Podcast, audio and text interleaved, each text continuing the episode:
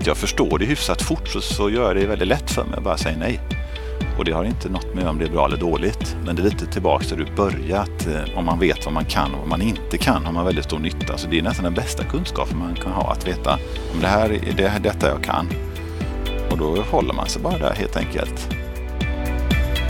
Investera bara i det du kan. Ja, fastighetsbranschen har gått bra under corona och en av dem som har lyckats det är fastighetsmagnaten Erik Selin, en av Sveriges mest förmögna hur han tänker när han gör sina investeringar, varför bitcoin inte är något för honom och att han ses som räddaren av Karlatornet i Göteborg som innebar att han också blev delägare i Serneke.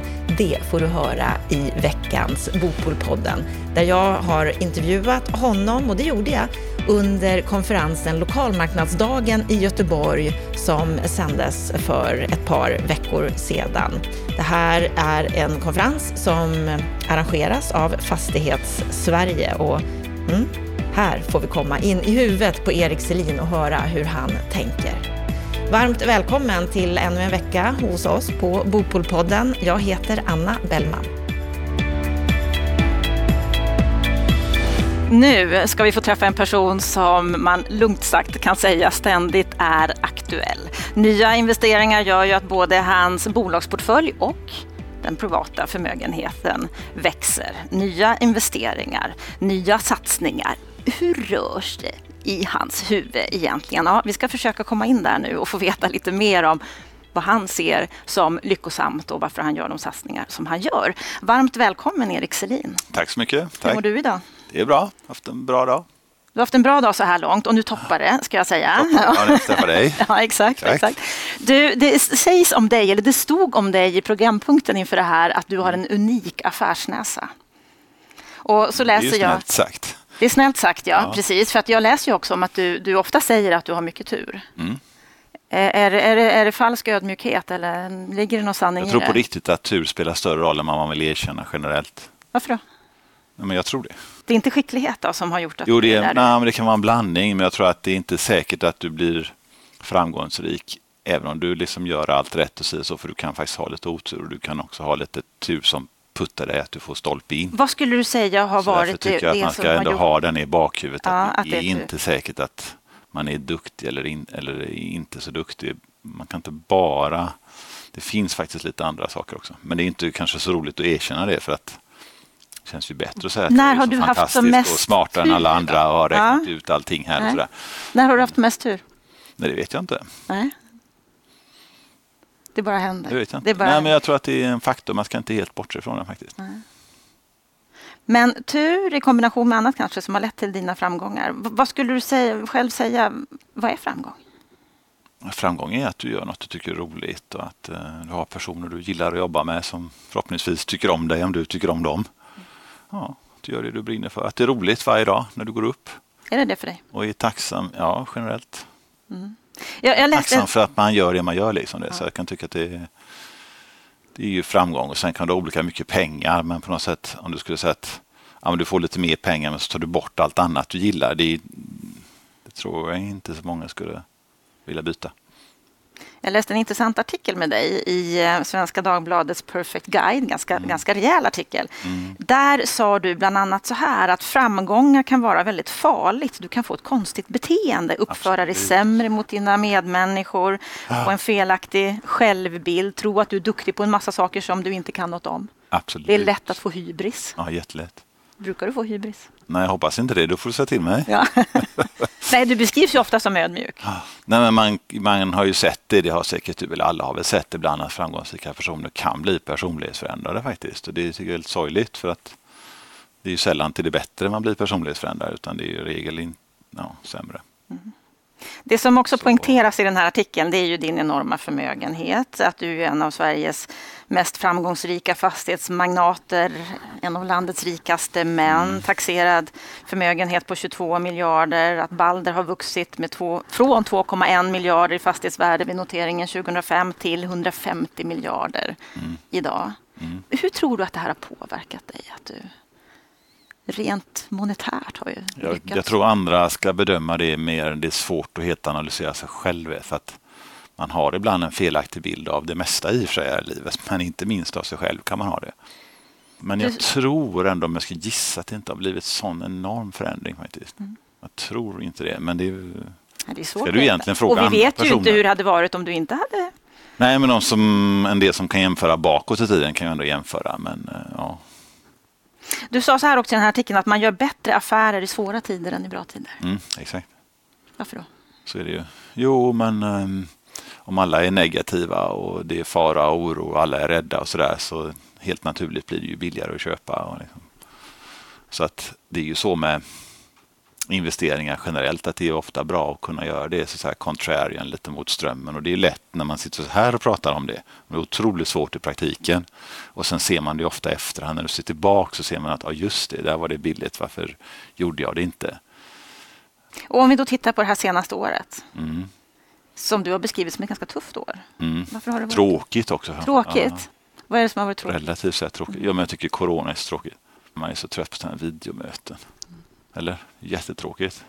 Så när man får det nu ska vi ha Teamsmöten. Nej, men ring, jag har en telefon. Det känns bättre. Nej, Det är ju trevligare när vi sitter så här. Det är mycket trevligare. Men jag Ja. tycker till och med nu att telefonsamtal kan vara trevligare än Teamsmöte. Så ska man sitta och titta och jag är oteknisk och liksom, ja, nu blir ljudet dåligt. Och, Men om vi, om vi bortser från att det är tråkigt så, så har det ju påverkat både, både dig personligen och det har påverkat din förmögenhet. Du tappade rätt mycket under, under Ja, fast det kom period. tillbaks. Men det, Det kom tillbaka, inget. precis. Nej, Vart du precis. orolig där någonstans? nej, inte jätte. Nej. Var, varför inte då? Nej, men jag är optimistisk att allt blir bättre och bättre. Så att du får bara inte åka ur i sådana här svackor som du investerar själv så får du bara ha lite marginal. Så att när det kommer, det kommer alltid komma sådana här störningar och panik och svackor. Det kommer komma om och om, om, om igen. Så du får bara att du inte måste sälja allt på botten. Så kan du sen bara liksom sitta och vänta lugnt och fint. Kan För att världen blir bättre och allt blir mer värt och samhället utvecklas och allt ser ju otroligt ljust ut totalt sett på hela planeten. Liksom. Så allt ser ju jättebra ut. Så att du ska egentligen bara investera och vänta. Är det så, Så- du, du tänker när det händer? Jag, jag väntar inte med att köpa aktier utan köpa aktier och vänta. Och sitt lugnt i båten? Exakt. Så får du ett Och fantastiskt kör lite resultat. Teamsmöten? Helst inte då. Live är bättre. Live är bättre. Ja. Ja. Men eh, när det gäller då Balder Mm. så eh, tittar vi på 2020 så eh, gjorde ni ett förvaltningsresultat på 4,2 miljarder. ja, just det. 23,51 per aktie för Mm. att vara exakt. Om jag ska ta en sån här hypotetisk fråga, om inte då den här krisen hade kommit, vad hade ja, ni gjort för resultat? Eh, typ um, istället för 23,50 det kanske varit 24 och 40 säger vi. För att dra till med Och, och vart tog en knapp krona tror jag vi har Ja, tappat, det. kanske 80 öre eller någonting. Och vart har ni tappat det? Hotell exempelvis, vi har några egna och det är mycket omsättningshyror där så att det, de pengarna är bara borta, vi får ingen annan följd av dem. Liksom. Så att där är väl den enskilt största och sen har det varit också ett antal mindre hyresgäster i tuffa branscher, butiker, restauranger och sånt där som även om staten har tagit en del av, av de eh, rabatterna så har det drabbat oss också. Eh, rabatter plus att i vissa fall en del har ju inte klarat sig. Så att det är egentligen där det har slått. Handel, restaurang och sen hotellen. Och om, om du tittar tillbaka, skulle du ha gjort något annorlunda för att det här tappet då hade varit lite mindre tror du? Ja, Det hade ju varit att ha hotellfastigheter då. Och det var svårt att förutse. Ja, jag kunde det inte i alla fall.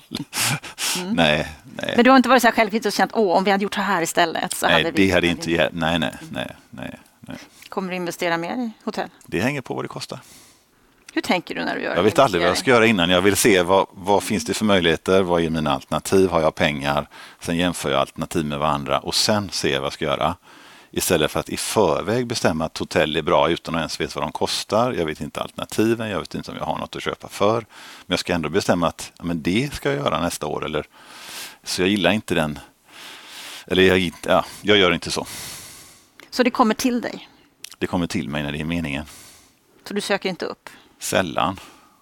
Faktiskt. Jag Så det- vill man det sälja några till få Erik Sarin gånger, men- man Ja men, det, ja, men jag får förslag varje dag, högt och lågt. Det är jättetrevligt.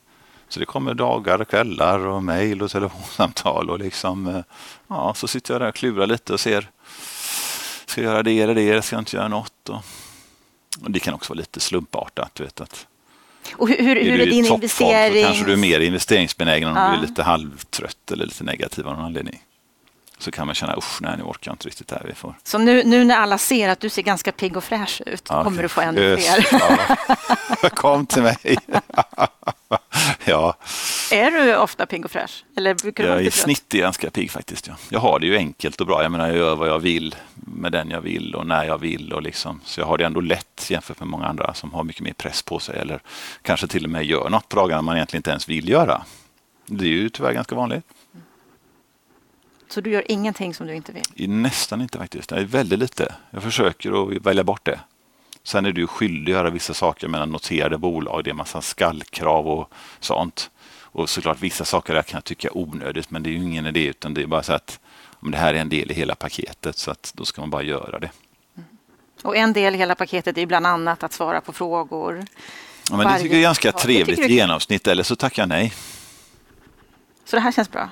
Mm. Mm. Du är jättetrevlig. Ja, det är trevligt, ja. det är trevligt. Och då tänker jag även det här med att göra affärer. Ja. Hur mycket beror det på att personerna är trevliga? Som du Ganska vet? mycket. Mm. Ganska mycket. Men det är mer om du går in kanske i bolag. Om du blir kompanjon med någon. Det ska jag inte bli med någon jag inte gillar.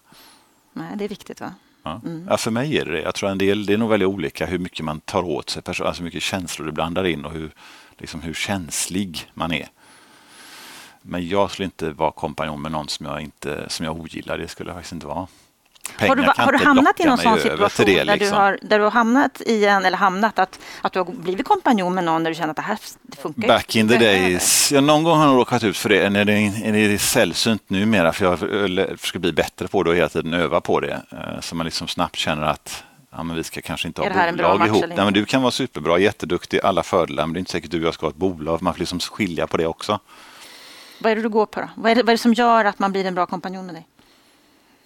Mm, att man har liksom samma värderingar och samma inställning till det egentligen. Att man klickar, eller hur? Som allt annat i livet. Du kan inte vara ihop med alla män eller kvinnor, vilket du väljer. Det ska bli väldigt tufft. Exakt, för en del av någon anledning så klickar man inte. Men det är inte att en är bra, en är dålig. Det är inte rätt och fel. Det är bara att man, man klickar inte med alla. Det handlar inte bara om en bra är att välja dem man liksom klickar med affär. som man inte inte, eller hur? Så, och då blir det ju ofta bra resultat. När jag ändå kan välja, varför skulle jag välja någon man inte tycker om när man kan välja någon man tycker om istället? Och jag tänker, du är ju inne på det du sa nyss, att det är väldigt många som gör det de inte vill. Ja, tyvärr. Men alla har ju ett val egentligen. Ja, kanske inte så. Jag vet faktiskt inte det. Nej. Men jag är väldigt tacksam att jag har det så eh, enkelt och bra på dagarna. En sak som du har valt, det var ju att gå in och köpa Entra-aktier. Mm. Där i början på mm. december. Vad var det som mm. gjorde att du valde att göra det just då? Efter den här budstriden då det faktiskt hade ökat. Jag var för dum för att... Eh, hade varit smartare hade jag gjort det innan. Varför gjorde du inte innan? Jag var inte smart. Du hade inte tillräckligt med tur? Ja, jag skulle kommit på det tidigare. Liksom. Men är du nöjd nu? Ja, ja, det är ett jättebra bolag. Såklart jag tycker som har köpt massa aktier i det. Men, eh, 25 procent. Ja, nej, men det är jättefina människor. De har en bra portfölj, de har bra utvecklingsportfölj framåt. Uh, nej, jag ser inga direkta svagheter i det. Sen kommer den inte bli fantastiskt bra. Varför inte då? Uh, därför att det är för stort och det är, ganska det är väldigt säkert. Du vet, det är ganska lågt belånat. Så att något som är väldigt säkert ska du i regel inte kunna få jättehög avkastning på. Det är liksom orimligt. Men den kommer att vara tillräckligt bra. Men kommer du gå in ännu tydligare i det bolaget du menar köpa upp hela i så fall? Nej, det ja, eller tänkt. gå in i styrelsen eller i... Inte nu. Nej. Varför inte då? Nej, men jag känner att det är lite nytt innehav och det är bökigt att åka och träffa dem. Jag vet inte ens, kan man åka till Norge nu? Inte än va? Nej, jag är osäker på hur det är och de här reglerna är fram och tillbaks. Så jag har pratat med dem ganska mycket, både styrelsen och valberedning och sådär. Sagt att det är bättre att vi kollar på det nästa år istället i så fall. Och så har det fortfarande varit lite ändå, hur blir det ägarbild och det kan komma andra ändringar. Så då kände jag att eh, jag behöver inte liksom, när jag kan vänta ett år med det och så ser vi, är det stabilt då och allt stämmer och man tycker det känns rätt, ja men då kanske. Men det kändes inte akut nu. Jag tycker de har en bra styrelse och jag har eh, förtroende stort för förtroende för dem och känt någon av dem i väldigt lång, under väldigt lång tid. Så att eh, det är inga mm, främmande personer. Så jag, jag, tänker på en sån där grej när det då var den här budstriden, du kom inte in riktigt i början utan sen. Hur, hur går dialogen där? Hade du dialog där med Saxborn och Nej. Ingenting? Nej. Nej, Ilja ringde en gång och sa du kan sälja dina aktier till mig. Uh, uh, Ja, okej, okay, det var ju snällt att jag kan det. Men, ja, så det var det enda. du inte göra?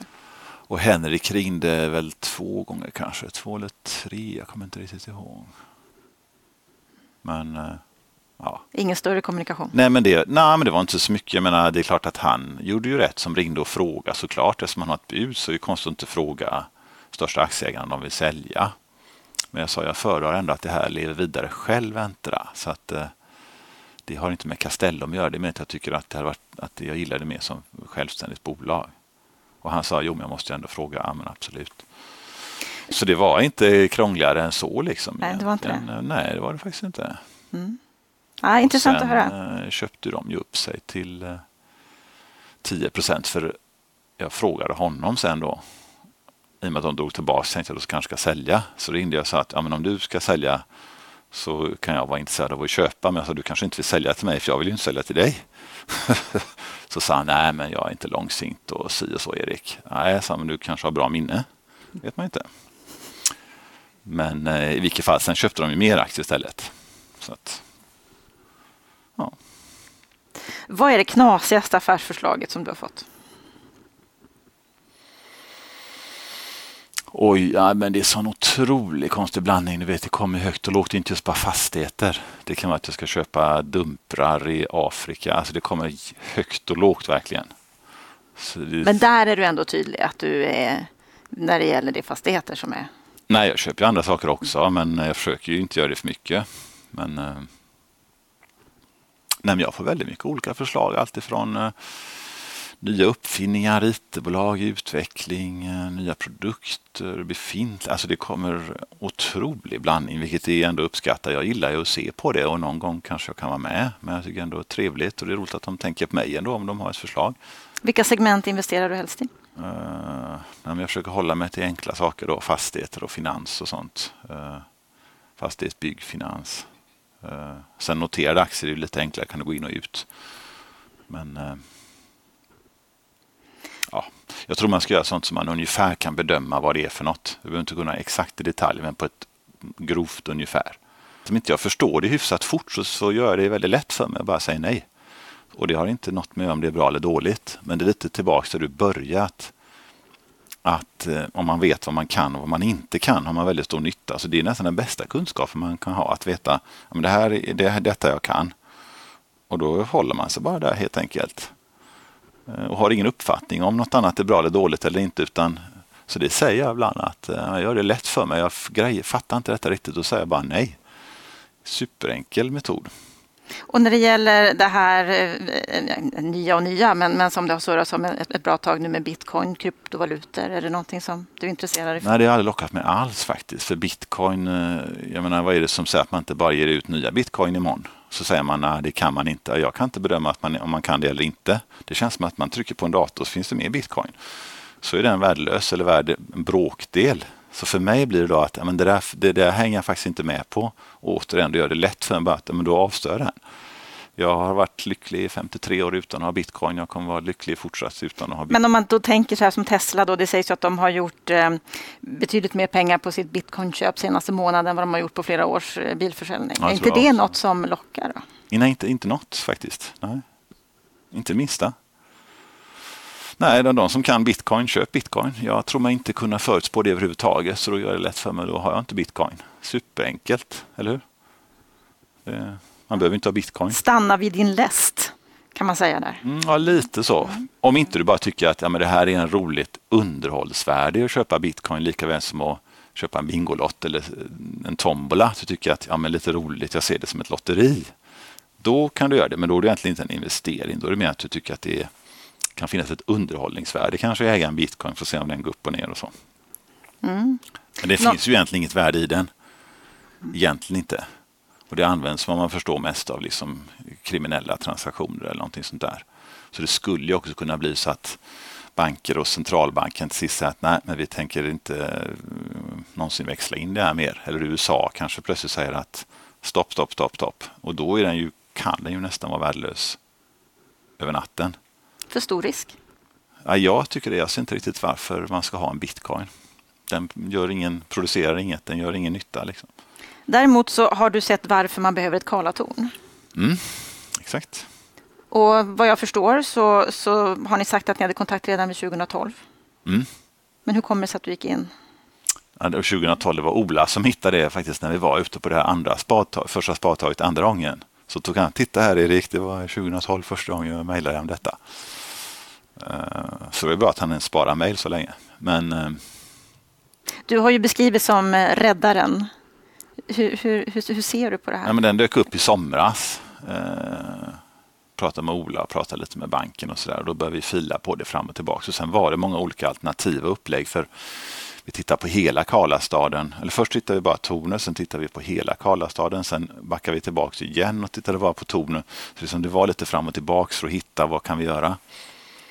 Och sen blev det till sist tornet och så blev det en annan portfölj som han bygger. och ja, Det blev som en blandning av grejer, optioner på lite fastigheter och sånt. Och så blev du delägare? Ja, exakt. Lite på köpet? Mm, ja, i Serneke ja, precis. Mm, i Serneke. Det också. Ja. Det här var ursprungligen så att jag egentligen ville ha en option och köpa in mig. Men sen efter lite turer så landade de att nah, men det är bättre att du blir aktieägare direkt. För jag tyckte att Serneke, det var bra om de eh, tog in lite equity också. Att staga upp bolaget lite. Så det var något som jag hade med i, i dealen också. För att jag menar, vi blir ju beroende av att Serneke bygger detta. Eh, så då vill man att Serneke ska vara starkt så att man inte har risk på dem på samma sätt. Och då tyckte jag att det är nog bra om ni gör lite nyemission och det var de väl sådär måttligt roade av på ett sätt. Då.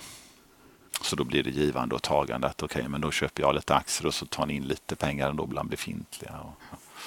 Och, nu har du 9%. Så det var en blandning som höll på tre, fyra, fem, sex månader kanske. Och det är 9 procent som Ja, typ något sånt tror jag. Va? Hur är det att vara så pass stor ägare i det bolaget idag efter allt som har hänt den här senaste tiden? Ja, det märks ingenting direkt, eller hur tänkte du? Nej, jag vet inte. Jag ställer frågan till dig. Nej, men det är inte så stor position för, i Balders balansräkning. Och det är ju Ola och de som kö, sköter Serneke. Så jag har ingen operativ roll i det överhuvudtaget. Mm. Men vi hoppas kunna göra mer grejer kanske på sikt. Det vore ju trevligt. Det... Sen var det olyckligt att han skrev de här inläggen. Men men han är ju fortfarande kvar. Ja, han är kvar i en annan roll. Jag tror, faktiskt den, nej, jag tror nästan den rollen kan vara bättre för honom och för Serneke för att han är ju jättebra på att liksom, eh, skapa olika möjligheter och titta på saker och sådär. Så det är nog inte fel att han kanske fokuserar på det. Och sen har man en VD som liksom sorterar ut lite i det. Och jag tror att det kan bli ganska bra. Och jag tror det var bra att han liksom gjorde det nu i förtid för då har han också lättare om man sen ändrar sig och komma tillbaks. Men hade man liksom tvingats bort och det är väldigt svårt att komma tillbaka igen. Nu tog, gjorde han ju det i förväg och sen kom det efter det att det inte var något eh, olagligt. Han, åklagaren la ju ner det. Så jag tycker han gjorde faktiskt rätt där. Men det måste vara jobbigt personligen. Jag pratade med honom ganska mycket under den tiden. Mm. För man får också säga skilja på det att visst, det var ju dumt gjort att skriva sådana inlägg kanske, men sen är det ju en människa som är fruktansvärt att hamna i den med sådana tidningsrubriker. Liksom, det är ju mördande. Va? Ja, det är ju också lite extra stor press såklart när du är VD, när du är företrädare för en stor organisation. Ja. Hur känner du när det gäller det? Jag tycker jag är lyckligt lottad. Jag tycker inte det är så mycket press, men i normalfallet så tycker man kanske det. Jag vänder på det istället att det är väldigt roligt att vara VD och du får liksom stor frihetsgrad. Du får uppskattning ibland när du inte ens förtjänar det. Man får komma och prata med dig. Och liksom, så jag tycker det är väldigt mycket fördelar. Så att, men det utmålas ju ibland som att det är så svårt och man är pressad och det är en det ena än det andra. Men jag undrar om, om man tog vd då och sa att okej, okay, men då får du ha kvar din lön och så får du sitta i receptionen istället om det är mycket enklare och bättre. Jag tror inte så många skulle byta. Vad skulle du säga gör dig bäst som vd?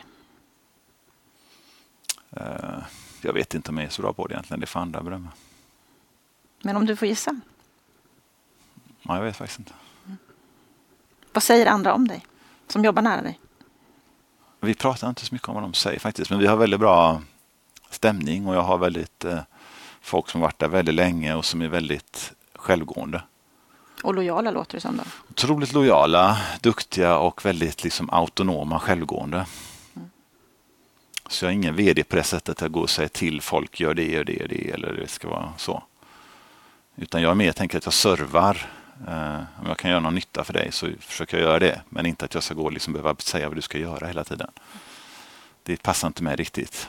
Många tycker ju att det är svårare under servar, den här... Ja, du, sör, du är en servande chef. Lite mer så känner jag nog att man försöker vara. Liksom. Jag försöker se dig, vad kan jag göra för dig? Hur, hur blir du bättre där? Bla, bla, bla. Och så är det väldigt olika eh, hur folk är. En del eh, och hur många har du som du jobbar nära? Själv, ja, det är en handfull, det är en drös på Balder och sen är det de här delägda bolagen så har jag oftast kontakt typiskt med vdn och någon till kanske i bolaget, ekonomichef. Då är det ganska många människor ändå som du ska Ja, det är nog ganska många som, ja men det är väldigt olika nivåer på det. Mm. Uh, nej, men det är väldigt oregelbundet också. Så ibland så gillar man att talas vid mycket och ibland inte och det är liksom lite sådär svårt att veta exakt hur mycket det blir. Jag försöker vara en bra person för dem. För då blir de bättre och då blir det ju liksom bra för alla. Så det är mitt mål uh, faktiskt. Tar man Brinova eller Collector eller vad som helst så försöker jag vara en bra person för Martin Osman, försöker vara bra för Per Johansson. Så att vi liksom, uh, ja. Ja, du, uh... Men det är väldigt roligt, det är väldigt trevligt faktiskt. Så många av dem blir nära vänner också, det blir väldigt personligt. Och då blir det långsiktiga relationer? Ja, jag tänker alltid att det är evigt egentligen. Det är alltid min och du inställning. Du köper inte för att sälja? Nej, helst inte. Nej, men det är min inställning att vi inte ska skiljas. Blir du ledsen då? Det sker ju sällan. Liksom. Nej, men, jag, men sen kan det finnas någon liksom, naturlig orsak till det. Men jag har inst, grundinställningen är att det är liksom är för evigt. Men sen om allt ändras, då får man ändra sig. Man ska inte liksom bara låsa fast sig. Men men vad har du för tanke framåt när det gäller? om man slipper tänka på exit-grejer mm. och nu ska vi tillfälligt göra något och vi har en smart plan i tre år. Det blir jobbigare. Men hur tänker du när det gäller liksom tillväxten och att öka och köpa ännu mer? För du köper ju in det i många bolag. Mm. Vi kan inte ha hur många som helst, det kommer vi inte kanske orka eller så. Mm. Uh, och något kommer försvinna av någon anledning, att det um, köps upp eller att vi köper hel. Alltså det, så det är inte helt statiskt, men hyfsat långsiktigt är det. Men en och annan kan lämna och en och annan kan komma till skulle jag tro av de här delägda bolagen. Men sen ger det mycket i övrigt. Vi hittar investeringsmöjligheter där. Det är liksom, jag kan lära mig av folk. Så det är en väldigt bra, man får en bra vardag på det sättet. Men annars är ju egentligen min roll är ju att allokera begränsat kapital som vi har i Balder. Det är därför man har en VD i alla, sort, i alla bolag egentligen. Så ska man ju hitta, ja, vi har begränsat med pengar, vad, vad sätter vi dem så att det blir bra för den långsiktiga aktieägaren, tänker jag alltid på. Då. Och nu investerar och då, ni ännu mer här i Göteborg, Mölndal, GoCo? Ja, precis. Den tror jag är jättebra. Mm, absolut. Är Göteborgsmarknaden en bra marknad? Ja, det tror jag. Kommer ni investera ännu mer här tror du? Kanske, det vet vi inte. Det beror på vad alternativen är. Återigen då att kommer Flemming med fantastiska affärer i Köpenhamn, då tar jag ju dem istället. Så att, för om du har en Balder-aktie så har du bara en anledning att ha den. Det är att du vill ha avkastning över tid. Det finns inget annat skäl för dig att äga den egentligen. Jag kan ha den för att det är roligt och så. Men alla andra, och jag har ju alla andras pengar liksom helt in blank och jag kan göra vad som helst med dem egentligen. Och då vet jag att ja, de, jag har deras förtroende. De, de, har bara ett syfte med det här. De vill ha avkastning över tid utan konstiga risker. Ja, och hur ska jag få det då? Ja, men då tittar jag på väldigt mycket olika saker och så ska jag välja något som, som jag tror då blir bra på lång sikt. Och då är det ju inte bara exakt heller att ta varje affär med högst avkastning. får man ju se också men hur blir den här portföljen utifrån olika risker. Så apropå nu då corona kommer och hotell tar jättemycket stryk. Ja, men vi har ju liksom en blandning så då ser man att ja, men visst på helheten så hänger det ihop ändå ganska bra även om ett segment var jättedåligt. Och det kan ju bli nästa gång kanske något annat som går bra eller dåligt. Så att Det är ju egentligen vdns roll i alla bolag och sen kan man säga att hittar man då inget bra så får man ju också inse att rätt beslut är att faktiskt inte göra något. För det är lätt att du hetsas till att ta beslut för att då syns det. Men de flesta besluten syns ju inte. Jag säger nej till 99 procent av alla affärer, men det kan ju inte du läsa någonstans. Nej, för det är beslut som Och de besluten är ju säkert lika bra kanske som ett ja-beslut. Mm. Men de bokförs inte, de syns inte. Så du får ju lätt en tendens att det som du ser är bra beslut och så triggas man att göra det. Men man, jag tycker man ska alltid ha med, så som jag ser det själv, att det är helt okej okay att faktiskt inte göra något. Men någonting som du gör det är ju att investera mer i Stockholm. Du har sagt i en artikel tar... att det kan hända att du flyttar till Birger till ert projekt där. Ja, det kan hända. Det kan göra det? Det kan hända. Allt kan hända. Trots att du har varit trogen Göteborg i Nej, men jag kommer år. inte flytta dit. Kommer inte jag. jag kan ha en lägenhet. Du kan ha en lägenhet här, ja, okej. Ja. Nej, jag kommer Då behöver ni inte vara oroliga, han kommer inte lämna Göteborg. Eller det kanske det är de... det kanske är de vill. Äntligen, nu blev vi av. Nej, men eh, det är ett fantastiskt projekt. Otroligt fint blir det. Det låter som att du bara Jättebra. har fantastiska projekt. Det är, det är Roy och Rogers mack, vet du. Ja, exakt den på Birger Ja, det är den Roy och Rogers mack. Det är väldigt nära mitt kontor kan jag säga. Ja. ja, men du vet att det är den macken också från Mac? TV-serien. Aha, Ja, det visste jag inte ens. Nej, inte jag heller. Jag fick lä- lära mig det. Ja, då behöver ni förvalta det väl. Ja, men det är väldigt mycket med bevarande och hit och dit. Och, s- men Stockholm har varit väldigt bra. Staden liksom diskuterat bygglov och hur ska det se ut och sen varit jätteproffsiga. Jättebra. En sista fråga. Vad drömmer du om? Jag kommer aldrig ihåg mina drömmar. Eller du menar vad jag drömmer om? Vad Hanna? drömmer du om i framtiden? Mm. Dina medvetna drömmar? Nej, men det jag, om jag får önska något så önskar jag att jag håller mig hyfsat frisk och att jag kan göra detta under lång tid. Så det är egentligen det jag hoppas på att kunna fortsätta under väldigt lång tid. Så du och jag träffas här om 20-30 år liksom och så att, eh, ja, kommer du ihåg för 30 år sedan, då var det si och så. Då har vi det som målbild. Då har vi det som mål, ja. Exakt. Då säger vi det. Stort tack, Tack så för att du kom hit, Erik Tack, tack, hej.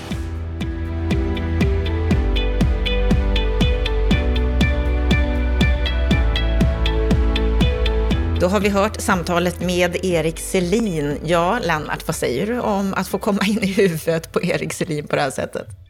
Ja, det är ju ett, väl- en väldigt sympatisk och trevlig intervju att lyssna på. Och Erik är ju en, uppenbart en väldigt sympatisk person. Jag har bara träffat honom en gång och det är för ganska länge sedan när Veidekke försökte göra en affär ihop med honom i Upplands Väsby som tyvärr inte blev av. Men han hade den här eh, mycket sympatiska eh, framtoningen redan då.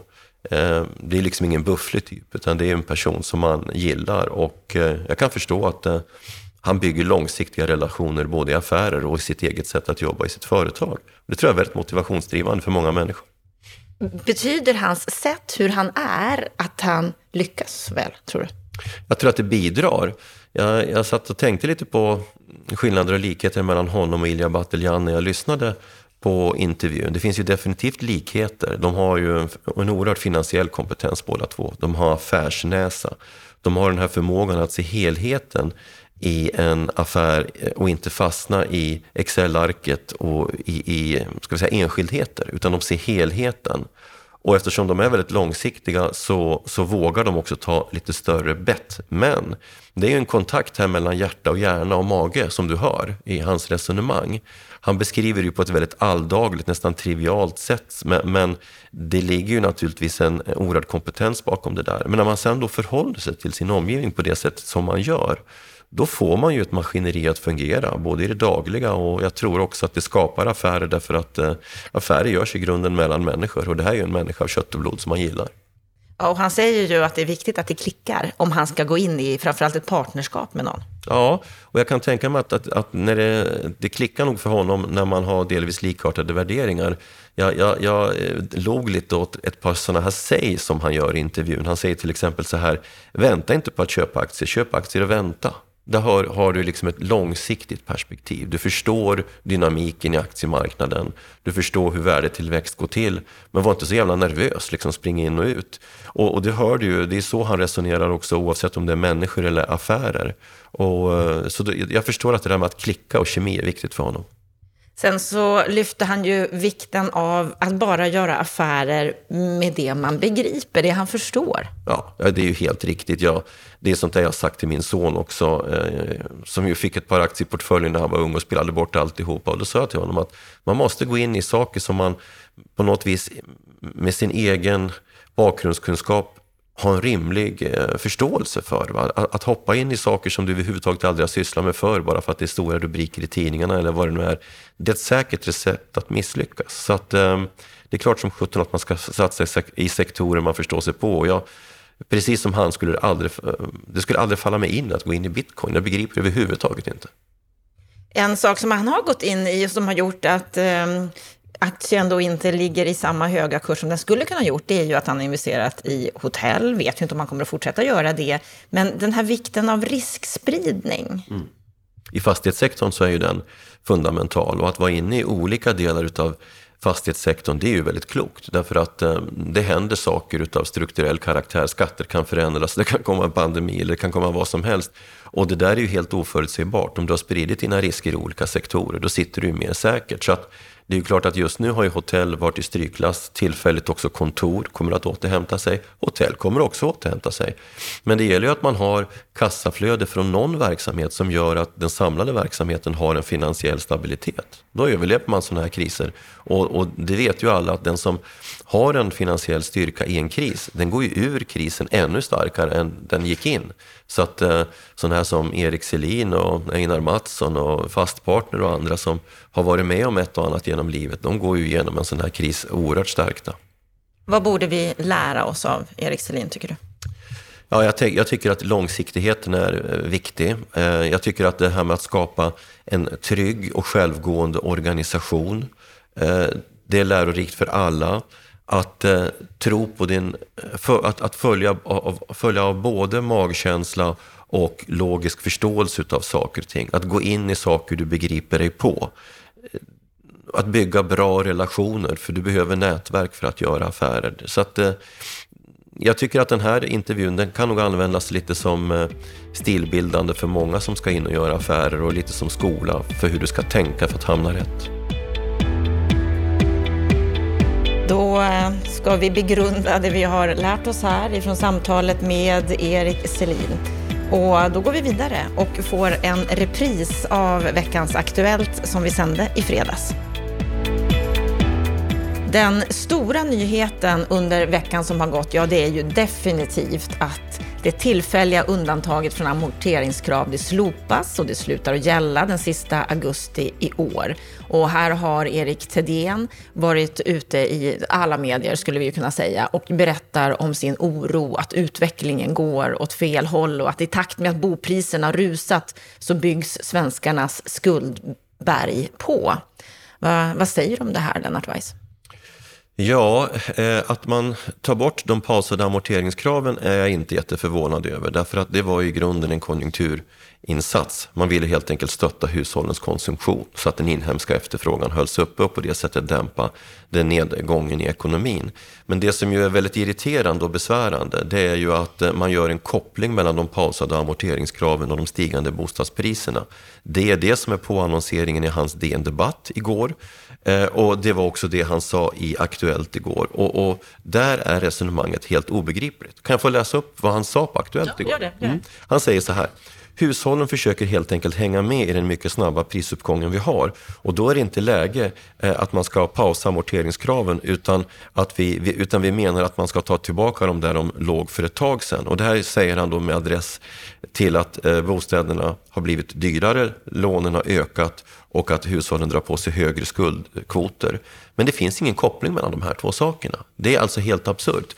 Eh, det som och då vill jag reda ut ett par saker. Därför att det Erik Thedéen säger i DN Debatt, det är att han pekar på att bostadspriserna har eh, stigit med ett visst antal procent, bolånen har ökat och under samma tid har hushållens disponibla inkomster bara stigit med lite mer än 50 procent. Då måste man ställa sig frågan, om resonemanget är att det är hushållens disponibla inkomster som driver priserna, varför ökar då priserna mer än hushållens disponibla inkomster? Det hörs ju av hela påståendet att det finns en faktor X. Och, och, det är det det gör. Därför att det man måste förstå det är att det är inte så att vi köper bostäder med våra disponibla inkomster. Vi, vi betalar eh, vi, vi, vi, betalar våra bostäder, alltså de löpande kostnaderna i våra bostäder, räntor och amorteringar med våra disponibla inkomster, men vi köper dem med våra förmögenheter. Och det här är en väs väsentlig skillnad. Eh, det betyder helt enkelt att om vi pratar om två hushåll som är ute på bostadsmarknaden där den ena har väldigt goda inkomster men inget kapital. Den andra har genomsnittliga inkomster men väldigt mycket kapital i form av ett eget boende som ökat i pris och kanske en aktieportfölj som har stigit i värde. Då är det den senare som vinner i budgivningen därför att han har en förmögenhet, han har kapital. Och det angriper man ju inte genom att ta bort amorteringskraven. Det har, amorteringskraven har, har, så som de har varit utformade, varit rent och skärt kopplade till hushållens konsumtion. För observera, den som skulle ta ett nytt bolån under den här perioden, den har ju fortfarande prövats mot de gamla amorteringsreglerna. Så att den här åtgärden, det finns liksom ingen som helst direkt koppling mellan pausade amorteringskrav och stigande priser. Däremot finns det en koppling till de här oerhörda, mellan de här oerhörda finanspolitiska och penningpolitiska stimulanserna och stigande realvärden. Det vill säga ökade värden på aktier, ökade värden på fastigheter. Och det är den, eh, det, det, det, det, är den tillgångsmassan som, gör, som som sköljs ut i ekonomin och som gör att bostadspriserna ökar. Så kopplingen mot inkomsterna är absurd, den är felaktig. En sak som jag också reagerar på är ju att så här långt så är det 230 000 hushåll som har tagit del av det här borttagna tillfälliga amorteringskravet. Och det är bara 9 procent av de som har tagit nya bolån som har utnyttjat den här möjligheten att inte amortera på sina lån. Är det en, en möjlighet att att vi drar för stora växlar på det här, det vill säga att det är inte så många ändå som har utnyttjat det här som skulle ha kunnat göra det, att det är de som verkligen behöver det som återigen blir lidande. Jag skulle säga så här Anna, att eh, de som i huvudsak har köpt bostad, det är sådana som redan har en bostad. Alltså det är de som redan är inne i bostadsmarknaden som i den här konjunkturen, när man haft mer tid, har tittat på ett annat boende. Och de har ju redan en stark finansiell situation, så de behöver inte ta upp eh, eh, så väldigt mycket mer nya lån och de behöver inte pausa några amorteringar. Utan det stora problemet, återigen, är ju de som står utanför bostadsmarknaden. Och, och återigen så pratar vi om eh, ungdomar i familjebildande ålder. Det är de som inte kommer in därför att så, det som är problemet med stigande priser, det är att om du inte har något kapital då ökar naturligtvis gapet för dig att kunna ta dig in på bostadsmarknaden för du hinner helt enkelt inte spara i kapp. Men det är ju därför vi behöver ha en omvänd ordning när det gäller eh, hela, eh, hela kreditpolitiken. I Sverige har vi ju valt att lägga all typ av riskbegränsning på de som ska in på bostadsmarknaden. Alltså det är de som möter bolånetak, amorteringskrav, höga kalpräntor. Så gör man inte i andra länder, utan där har man låga inträdeströsklar och sen kickar det in krav på att du ska amortera. Så att jag vill återigen göra en poäng som jag har gjort flera gånger här i Bopolpodden. Det är inte så att vi i branschen är emot att man har olika typer av eh, riskmekanismer eh, i, i, ett system. Men problemet är när man riktar dem mot de som ska in i bostadsmarknaden. Jag menar, jag själv sitter ju med ett ganska stort bolån, men det är ju ingen som säger till mig att jag ska amortera för att jag har ganska låg belåningsgrad. Men om, eftersom man alltid är så rädd för det här aggregatet, alltså summan utav alla lån, så borde man i så fall ha den profilen att det är okej okay att ha höga lån i början, men sen ska de sjunka. Eh, och, och, och, men det här har man inte förstått på Finansinspektionen utan både Tidén men också Braconier ojar sig över att de nytagna hushåll, de hus, hushållen med nytagna lån, deras belåningsgrader ökar och man ojar sig över att de köper dyrare än de hushåll som är inne i marknaden. Men så har det alltid varit, Anna. Om du skulle jämföra eh, priset på den bostad du köpte med de, det priset på den bostad som dina ungar kommer att köpa, så kommer de att köpa dyrare. Så här är det, därför att eh, de som kommer in senare betalar mer. Men i takt, men eftersom vi har en ekonomisk utveckling, inkomsterna ökar, vi har en tillväxtekonomi, så kommer ju så att säga det nya lånets eh, eh, att minska i betydelse i takt med att hushållen helt enkelt tjänar mer. Det är så ekonomisk tillväxt fungerar och därför gör man fel när man lägger de stora pålagorna på de som är unga och ska in i bostadsmarknaden. Det är precis tvärtom man ska tänka, men den insikten har inte kickat in hos Finansinspektionen och den stora tragiken är att våra politiker inte heller styr upp dem. I artikeln i DI, där lyfter man upp en färsk analys ifrån SBAB om att boräntorna kommer att gå upp mycket tidigare än vad vi tror. Att om två år så väntas reporäntan höjas. Bolånebankens prognos för genomsnittliga rörliga boräntor i början av 2024 kommer då vara 2,2 procent. Och så skriver de så här, att slår det här in, då blir bolånen omkring 50 procent dyrare för alla med rörlig ränta. Och så har de räkneexempel på hur otroligt otroligt mycket dyrare lånen då kommer att vara. Är inte det här någonting som vi behöver vara oroliga för? Gör inte FI, alltså Finansinspektionen, ändå en, en bra bedömning här? Alltså det låter ju väldigt mycket med en 50-procentig eh, höjning, men det är från väldigt låga nivåer. Eh, och, och, så att, eh, Alltså nej, egentligen inte. Därför att, eh, därför att hushållen stresstestas ju mot väsentligt högre räntor än de räntor som Robert Boye då prognostiserar i ett två, tre års perspektiv. De, de stresstestas mot 6, 7, eh, till och med 8 procent i vissa fall. Och här pratar du alltså om omkring 2 procent bolåneränta. Det är ett historiskt perspektiv väldigt lågt och ingen anledning att oroa sig för. Alla hushåll som är inne i bostadsmarknaden idag är stresstestade mot väsentligt högre nivåer. Och eh, men, och jag såg att, att Finansinspektionen själva sa att om räntorna skulle stiga till 7-8 procent, men det kommer de inte att göra. Det finns inget sådant scenario överhuvudtaget. Så att eh, det kan mycket väl vara så att vi, vi står inför en viss ränteuppgång. Som sagt, de långa räntorna har stigit något. Men redan nu så läser jag ju artiklar på temat att om det skulle få till effekt att det skulle leda till en konjunkturavmattning så kommer riksbankerna eh, världen över att rycka ut för att sänka styrräntan. Så att eh, sannolikheten för att räntorna skulle sticka iväg eh, dramatiskt är väldigt låg. Det skulle i så fall vara till följd av att vi, vi får inflation i ekonomin. Och där finns det ju väldigt många intressanta analyser kring hur det kan komma sig att vi kan trycka hur mycket pengar som helst utan att det uppstår inflation. Men, men jag tyckte John Hassler redde ut det där bra i Aktuellt igår, det vill säga vi skickar inte ut de här pengarna i huvudsak till hushållskonsumtion utan de går ut till andra delar av ekonomin för att stärka liksom den finansiella ryggraden hos företag och banker och andra.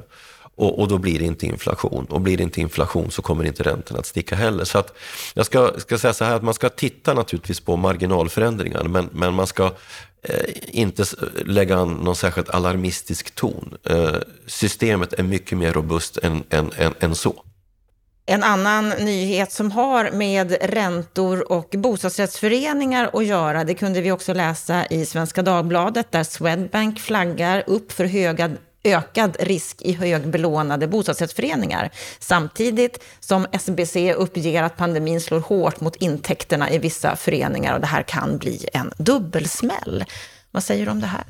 Ja, och jag såg i, i eh, torsdagens Dagens Industri att Hans Bolander i, hade samma resonemang som ju menade att, att eh, högt belånade bostadsrättsföreningar skulle kunna drabbas. Då pratar vi alltså om nybildade bostadsrättsföreningar. Jag skrev faktiskt en rad till Johan Hellekant på Svenskan eh, och, och, och påpekade den lilla omständigheten som jag tycker att Arturo Arkes, Eh, Swedbanks sparekonom, borde veta. Att nybildade bostadsrättsföreningar har en räntemarginal i sina ekonomiska planer.